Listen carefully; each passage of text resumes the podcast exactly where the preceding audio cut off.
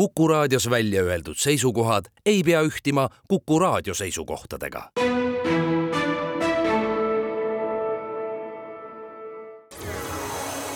loodusajakiri, vaata ka looduseajakiri.ee. tere kõigile kuulajatele, Loodusajakiri alustab. täna on saates külas ajakirja Horisont peatoimetaja Ulvar Käärt. tere sulle, Ulvar! tere, tere! mina olen saatejuht Tiiu Rööp ajakirja Horisont neljas number, see on augusti, septembri number on valmis saanud ja just sellest samast ajakirja numbrist me teile rääkima hakkamegi. sedapuhku on kaanel lugu plasmakiirendist, selle autoriks on Kristjan Põder, kes juhib Saksamaal töörühma, mis uurib laserplasmakiirendeid ja nende rakendamise võimalusi. paar sõna selle artikli autorist. Kristjan on Eestist eemal olnud juba hea mitu aega, oma magistritöö ta kaitses Bristolis doktoritöö valmis tal ka Inglismaal ja nüüd ta töötab Saksamaal. kuidas on Kristjani lugu Horisondini jõudnud? See tegelikult just annabki hea võimaluse tutvustada seda ka, et toimetaja tööd või ütleme, et kuidas ajakiri sünnib, et nagu väga paljud kujutavad ette, et autorid muudkui saadavad ja siis toimetajad muudkui valivad, mida panna ja millist lugu avaldada ja mida mitte avaldada, aga tegelikult toimetaja töö eeldab sellist ajakirjaniku töö sellist põhioskust, ehk siis käia aeg-ajalt korjelennul kuskil toimetusest väljaspool. ja siis tegelikult Kristjan oli selline leid, mul õnnestus, ma käin alati väga suure huviga ja kuulamas aasta alguses Eesti Noorte Teaduste Akadeemia korraldab äh, välis- või sellist seminari või konverentsi, kus siis esinevad äh, Eesti üliõpilased või, või siis noored teadlased, kes tegutsevad kuskil üle maailma, kuskil erinevates, kas siis instituutides, ettevõtetes, äh, oma uurimisalal. Ja, ja sellel aastal oli üks nendest paljudest esinejatest, tegi ettekande Kristjan Põder. Ja kuigi see plasmakiirendid ja et see äh, Teaduste Akadeemia peeglisaal, kus see üritus alati toimub, et see oli rahvast täis, noori teadlasi ja ka sellist äh, minusuguseid äh, vabakuulajaid, aga kui Kristjani ettekanne tuli, et muidugi seal on erinevad molekulaarbioloogia alased teadustööd, erinevad sotsiaalvaldkonnas, humanitaarala, see on seinast seina nagu, mille kõigega meie, meie omad Eestist pärit noored teadlasehakatised tegelevad põnevate asjadega ja kui Kristjani ettekanne tegelikult, kui me võtamegi plasmakiirendid või osakeste kiirendid, et siis see ei kõla nagu väga huvitavalt, justkui et see tekitab sellise eelarvamuse, et eh, mitte millestki ei saa aru ja, ja, ja see tundub kuidagi väga elukauge üldse ju. et inimesed eh, reeglina ei suhestu sellega, aga Kristjan, vaatamata sellele, et nagu noh, tema kui autoriga lähemalt nagu vaadata tema tausta, et on ju üle viieteist aasta vist äh, olnud, viibinud väljaspool Eestit ja võõrkeelses keskkonnas, et ta pidas nagu äärmiselt särava ettekande, nii et kui ta seda oma lühikest ettekannet omal uurimisalal nagu plasmakiirenditest pidas, et siis tegelikult sa-, saal oli, ma ei tea, kas siis vaimustusest tuli vait või lihtsalt sellest, et kõik said aru ja kõik huviga küsisid ja jälgisid seda, et ja kui ta selle oma ettekandega ära lõpetas, et siis ta nagu pälvis ka sellise tormilise aplausi lausa.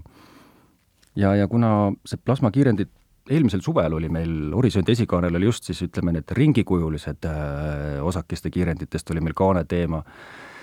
Kuna plasmakiirenditest Horisont ei ole veel minu meelest, nii palju kui mina olen Horisonti teinud, ei ole veel kirjutanud, et siis äh, nähes nagu seda võimalust, et äh, kui säravalt inimene suudab nagu eesti keeles sellel teemal nagu rääkida, et siis saigi temaga nagu ühendust võetud, et kas ta oleks valmis ka Horisondi lugejaid, lugejatele seda oma uurimisvaldkonda ja tööd tutvustama, millest ta muidugi minu suurimaks heameeleks äh, väga suure rõõmuga kohe võttis selle pakkumise vastu ja ta kirjutaski selle loo. Aga ma räägin, et see näitab ka tegelikult, et eks ju, kui pika vinnaga see Horisondi sisu, ütleme, valmib, et see on jaanuarist kuni tänaseni, täna on meil augusti algus. et kui kaua see tegelikult äh, võib aega võtta, et üks lugu ilmub Horisondis. aga jah, kui me räägimegi seda, et siis äh, tihtilugu on see, et mõned teadlased, kes on väga säravad, väga säravalt oskavad suuliselt oma teemat avaldada, et siis tegelikult Kristjani puhul on tema õnnistus ka see, et ta oskab ka, ütleme, seda võrdlemisi lihtsalt tegelikult selle keerulise asja olemust ka ikkagi, kes, lugejale, kes üsna vähe sellest valdkonnast teab, ikkagi selle asja olemuse selgeks teha, et mismoodi need plasmakiirendid töötavad, miks nad tegelikult äh, tänapäeval nüüd osakeste kiirendamisega tegelevatele füüsikutele äärmiselt suurt huvi pakuvad, et noh, siin tegelikult tulebki välja, et kui see Šveitsis kõige kuulsam ja maailma suurim osakeste kiirend ja saja meetri sügavusel, see on nagu hiidasutus on tegelikult ju, see saja meetri sügavusel maa all, see CERN-i kiirendi, see on kakskümmend seitse kilomeetrit pikk on ta veel üldse. aga siis nagu tegelikult Kristjanson toob välja, et plasmakiirendi on just see läbimurdetehnoloogia, mis võimaldab siis hakata, võimaldaks hakata neid osakesi kiirendama oluliselt palju, palju, palju, palju väiksemate vahemaadega. ehk siis näiteks, et nagu ta siin selles loos ka hästi välja toob et sisuliselt tegi siis vähem kui alla meetri pikkune plasmakiirendi, tegi sama töö ära, mida kilomeetrite pikkune selline tavapärane kiirendi siis. ja just, et see väiksus tegelikult annabki siis need võimalused jälle hakata siis selliseid äh, praktilisi rakendusvõimalusi, ütleme, miks see pakub väga palju huvi nii tööstusele, meditsiinile kui ka teadlastele, eks ju, kes nüüd üritavad neid lahendusi leida, ehk siis ongi meditsiinis näiteks, kuidas see suhestub nagu selle igapäevaeluga, nagu ka Kristjan tegelikult toob, et see plasmakiirendid on tulnud selleks, et nagu muuta meie elu ja mida nad ka teevad siin lähem, lähemas tulevikus ilmselt, aga et kui me räägime meditsiini vallas, et siis näiteks üks asi on, üks kasutusvõimalus või rakendusala on ka siis tegelikult vähiravi, selle tehnoloogia abil on võimalik siis äärmiselt täpselt võimalik siis sihtida seda kiirgusdoosi sügavamatesse, ütleme, kudedesse, kus on siis kasvajasse ja siis seeläbi niimoodi, et tegelikult see ei kahjusta siis neid kudesid, mis äh, on terved, et ta siis suudab ka natukese siis säästa seda tervet organismi, noh, tänapäeval mõtleme, et siis kui meid kiiritatakse, et siis on see siis kasvajarakud või tegelikult saavad ühtmoodi ka siis ka kõik muud rakud. eks et tehnoloogiad on arenenud, aga jah, et sellest jälle nähakse suurt arenguvõimalust. või ka mõtleme näiteks, et tööstus et siis on jälle, meil on 3D printimistehnoloogia teeb võidukäiku, aga kuidas sa kontrollid siis nende tehtud mingisugused detailid, et kuidas sa kontrollid nende kvaliteeti, et ikka klassikaline on see, et lööd puruks ja siis vaatad, et kas seal olid kuskil mingid defektid, millega arvestada, aga et näiteks selline plasmakiirendustehnoloogia, et see võimaldab siis nii-öelda läbi valgustada selliseid detaile, et siis seeläbi saab kuidas öelda siis, erinevate mutrite või nüüd lihtsalt ja labaselt öeldes mutrite või poltide sellist töökindlust kontrollida, kvaliteeti, et see on jälle see asi, miks nagu siis ka tööstus väga-väga suurt huvi nende plasmakiirendite vastu tunneb. Ja muidugi müts maha Kristjani ees, et mis mind tema puhul kui autori puhul jälle ka hämmastaski, et ikkagi, Eesti mees ja sellises, ütleme, kui me räägime, kus ta töötab, eks ju, see on siis Saksa Synchrotron kiirendi keskus, et see on üks DESI et see on tegelikult maailma üks juhtivaid äh, kiirendi uurimiskeskusi ja, ja tema on veel suisa seal töörühma juht siis, mis uurib äh, plasmakiirendeid ja nende rakendusvõimalusi. et tõesti, väärt lugu.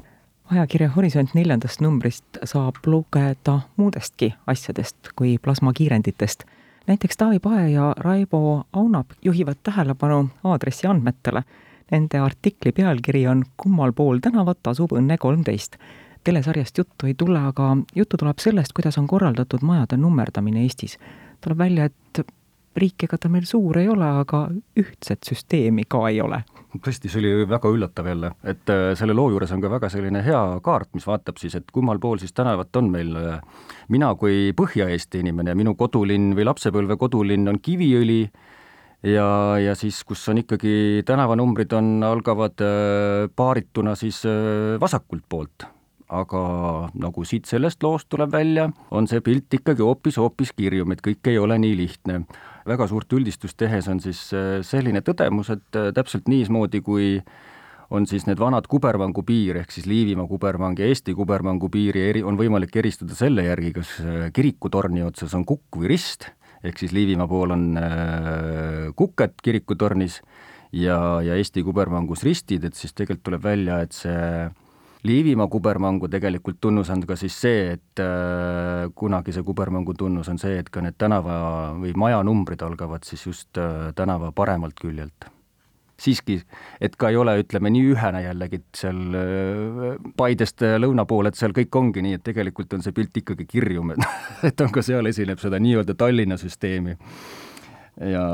aga jah, tõesti, üllatav teadmine jällegi, et mis siis, kuidas on võimalik eristada, et kus sa siis Eestis oled, kas sa oled nüüd Liivimaal või oled sa nüüd siis äh, Põhja-Eestis kuskil, nii-öelda Eesti kubermangu piirkonnas. leidsime ajakirja Horisont neljandat numbrit edasi ning ähm, Eesti usundilugu uuriv arheoloog Tõnno Joonuks pälvis eelmisel aastal valminud raamatu Eesti muinasusundide eest Eesti ajalookirjanduse aastapreemia Horisondi toimetaja Helen Rohtmets Aasa soovis talle selle tunnustuse puhul õnne ja, ja rääkis ka juttu Eesti muinasusunditest, mida ta küsis ja mida talle vastati, sellest saabki lugeda Horisondi intervjuust, mille pealkiri on Mida uskusid meie esivanemad. näiteks Helen küsis, mida üldse on võimalik kivi- ja pronksiaegse religiooni kohta öelda. tuleb välja, et täitsa palju on võimalik öelda äärmiselt põnev lugemine jällegi, et äh, kui minul kui toimetajal on alati see kutsehaigus on, mis, kui ma mõnda teksti loen, et siis ma tahan alla kriipsutada kohe selliseid häid mõtteteri, mida esile tõsta kujundaja saaks, et äh, siis tegelikult siin oli, siin vaata, et tuli kogu see, väga, tekst tuli selline nii-öelda alla joonitud, et vähe oli seda, mis jah, ei jäänud nagu alla kriipsutatud, aga tegelikult jah, kui ütleme, siin oli väga palju põnevaid asju, mida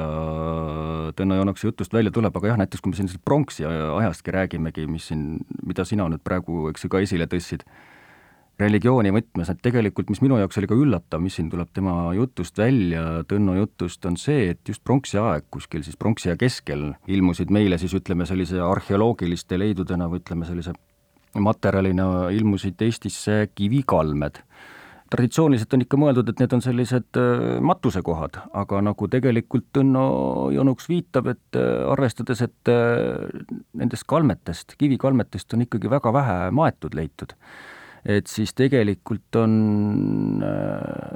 järeldatakse või arvatakse, et need on siiski olnud hoopis teise tähendusega, mis on täitnud ilmselt mingisuguseid, nende juures on käinud inimesed hästi tihti mingisuguseid rituaale täitmas. mida seal täpselt on tehtud või, või et seda, seda ei osata veel arvata. aga ikkagi jah, et just, et need on nagu justkui omamoodi kultuse kohad olnud. et väga põnev, jah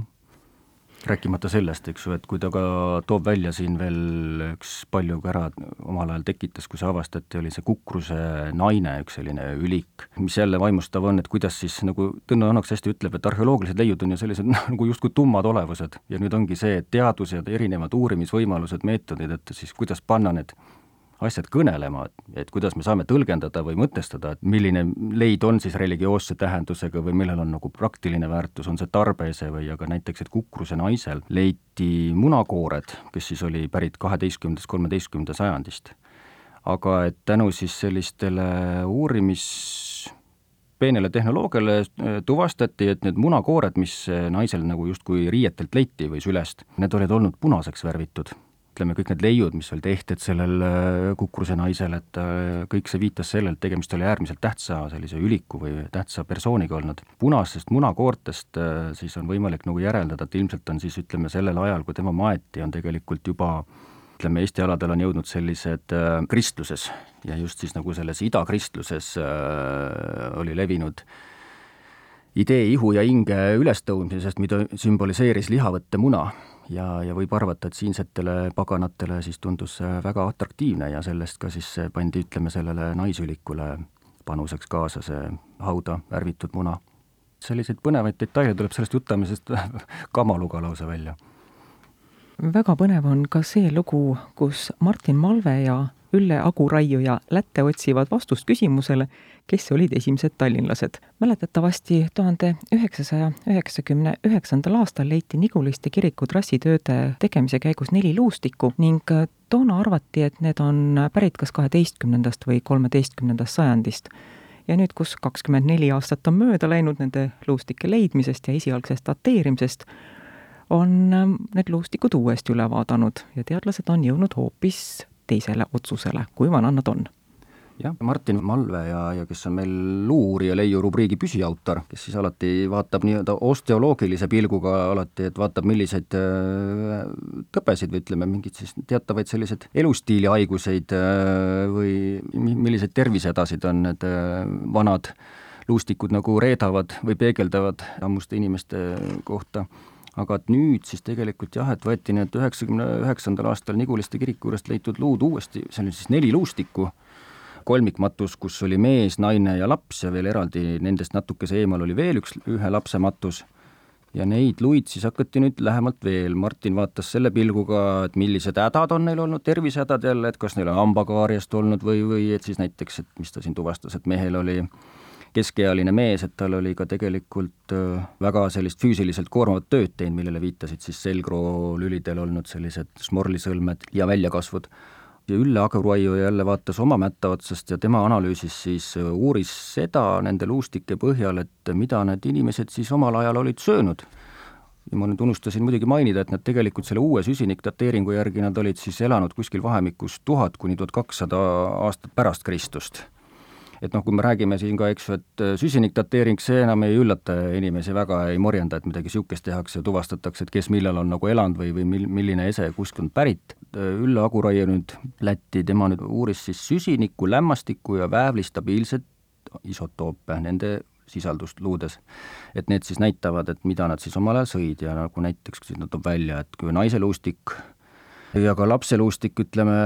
selle isotoopide järgi võis järeldada, et nad olid siis, sõid enamasti taimetoitu, eeskätt siis teraviljaga, et mehed no ütleme, see tava, tava vist kipub olema ka siiamaani, et mees oli söönud nagu enamasti ikkagi liha. suudeti tuvastada, et need arvatavalt siis noh, kõige vanemate tallinlaste luustikud, selle menüü järgi suudeti tuvastada, et need, see klappib nagu sellega, mida kohalikud eestlased sõid. ehk siis tegemist ei olnud võõramaalastega, vaid äh, need olid ilmselt ikkagi kohalikud eestlased mis tuli ka selle mehe kohta veel välja, tõenäoliselt see mees pidi olema paar aastat, vähemalt paar aastat enne surma või enne matmist, siis äh, Tallinnasse matmist äh, pidi olema kuskil väljaspool, kuskil mujal siit Eesti aladelt. et väga põnev, aga kus, eks ju, miks, miks ka need tegelikult surnud oli, et seda, seda veel ei osata nagu arvata või, või uurida, aga nagu nad nii Martin kui ka Ülle siin selle loo lõpus välja toovad, et mida rohkem sellised uurimismeetodid kõik arenevad, seda rohkem või seda paremini pannakse need tummad asjad tegelikult kõnelema aga see on tõesti, et sa loed ja imestad, et mida kõike on võimalik luustikust välja lugeda. aitäh, Ulvar Käärt! lisan mõned märksõnad teemadest, mida ajakirja Horisont neljandast numbrist veel leiab. valguse lõksu püüdmine, Eesti laskurkorpuse formeerimine, vetikate võlu teaduspiltidel, esimene Eesti küla Abhaasias. aga ka see ei ole veel kõik. head ajakirja Horisont lugemist, kena suve jätku ja jälle kuulmiseni! Loodusajakiri, vaata ka looduseajakiri.ee